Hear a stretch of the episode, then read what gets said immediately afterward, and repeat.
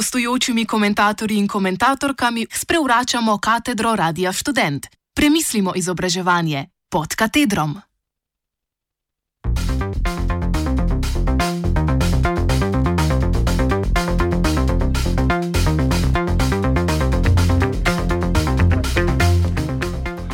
V šolo z masko.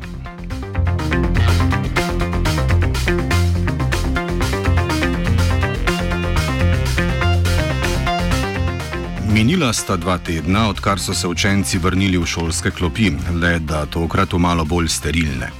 Logistična izvedba pouka z zdravstvenimi ukrepi je bila predmet razprav in načrtovanja zadnjih nekaj mesecev.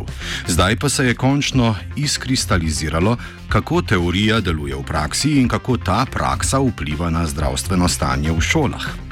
O prvih vtisih praktične izvedbe pouka smo se pogovarjali z ravnateljem ene izmed osnovnih šol v Ljubljani, natančneje z ravnateljem osnovne šole Miška Kranca, Ljubljana, Tadejem Šemetom. Ja, glede prvega tedna torej, in ukrepov, mi smo ugotovili, da nasplošno tudi z drugimi ravnatelji kot komuniciramo, da uh, veliko ukrepov lahko spoštujemo v največji možni meri.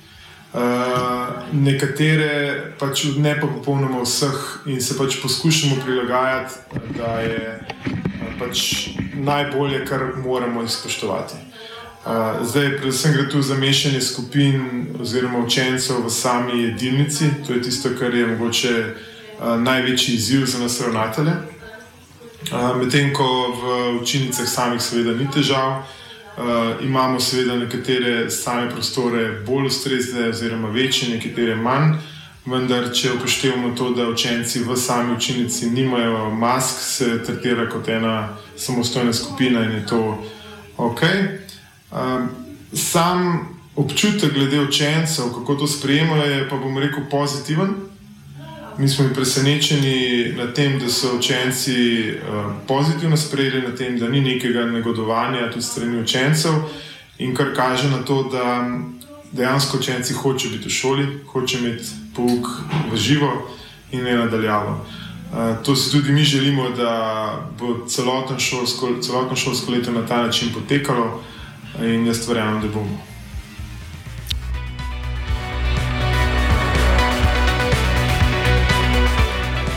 Še posebej na socialnih omrežjih in forumih je bila med starši opazna polariziranost glede nošenja mask v šolah.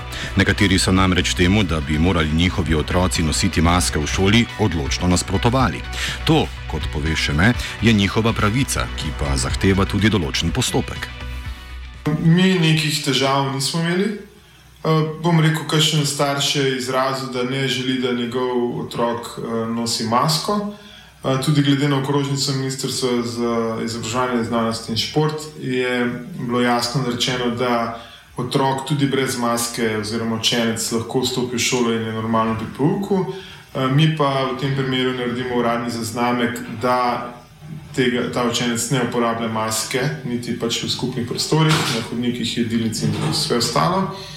In uh, potem v primeru okužbe v tem razredu, kjer je ta učenec, kjer ne želi nikoli nositi maske, eh, pač eh, epidemiolog NIJZ preverja to okuženost oziroma posledico tega in tako naprej. Ne. Tako da mi dejansko nikomor ne kratimo pravice po obveznem osnovnem šolanju. Eh, moram pa reči, da nismo imeli nekih težav, vsaj na naši šoli. Ne. Izvedeli pa smo tudi, kako se financirajo maske, ki jih morajo otroci nositi ob vrnitvi v šolo. Te za mnoge predstavljajo precejšen strošek. Žal pa je bila glede njihovega financiranja ministrica za šolstvo Simona Kustec na avgustovski novinarski konferenci zelo nejasna. V prvem tednu, ko je bilo priporočilo, da eh, imajo vsi učenci maske, smo nekaj mask dobili od civilne zaščite. Vendar jih je vsekakor premalo, da bi to cel mesec zadostovalo za vse učitelje in vse delavce, ostale delavce šole, ter tudi vse učence. Torej, priporočilo je in tudi bolj higijensko je, po mojem mnenju, da ima vsak svojo masko, tudi iz tega razloga, ker potem je že vprašljivost tega deljenja mask in gneče ob samem deljenju mask na vhodu. Tako da, tako da v obvestilu, ki smo ga poslali pred začetkom šolskega leta staršem, je priporočilo, da ima vsak otrok svojo masko in tudi ustrezno skrbi za njo. Učitelji so se pogovorili o ravnanju z maskami in tudi priporočilo staršem je bilo, da se o tem na kratko pogovorijo s svojimi otroci. Na kratko.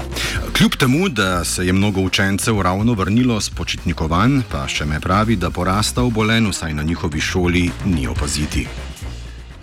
Na naši šoli še nismo imeli pozitivnega primera, neko hvala Bogu. Zavedamo se, da lahko vsak trenutek, oziroma jutri, danes pride.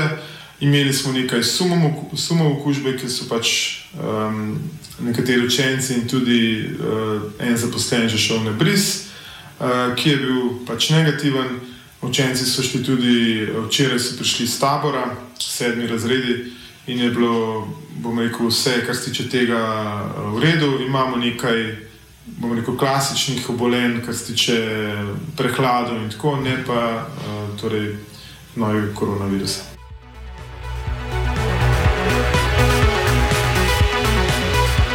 Ja, na koncu bi mogla biti pika. Eh, neobhodne doze informacij so za vas pripravili naši vrli novinarji.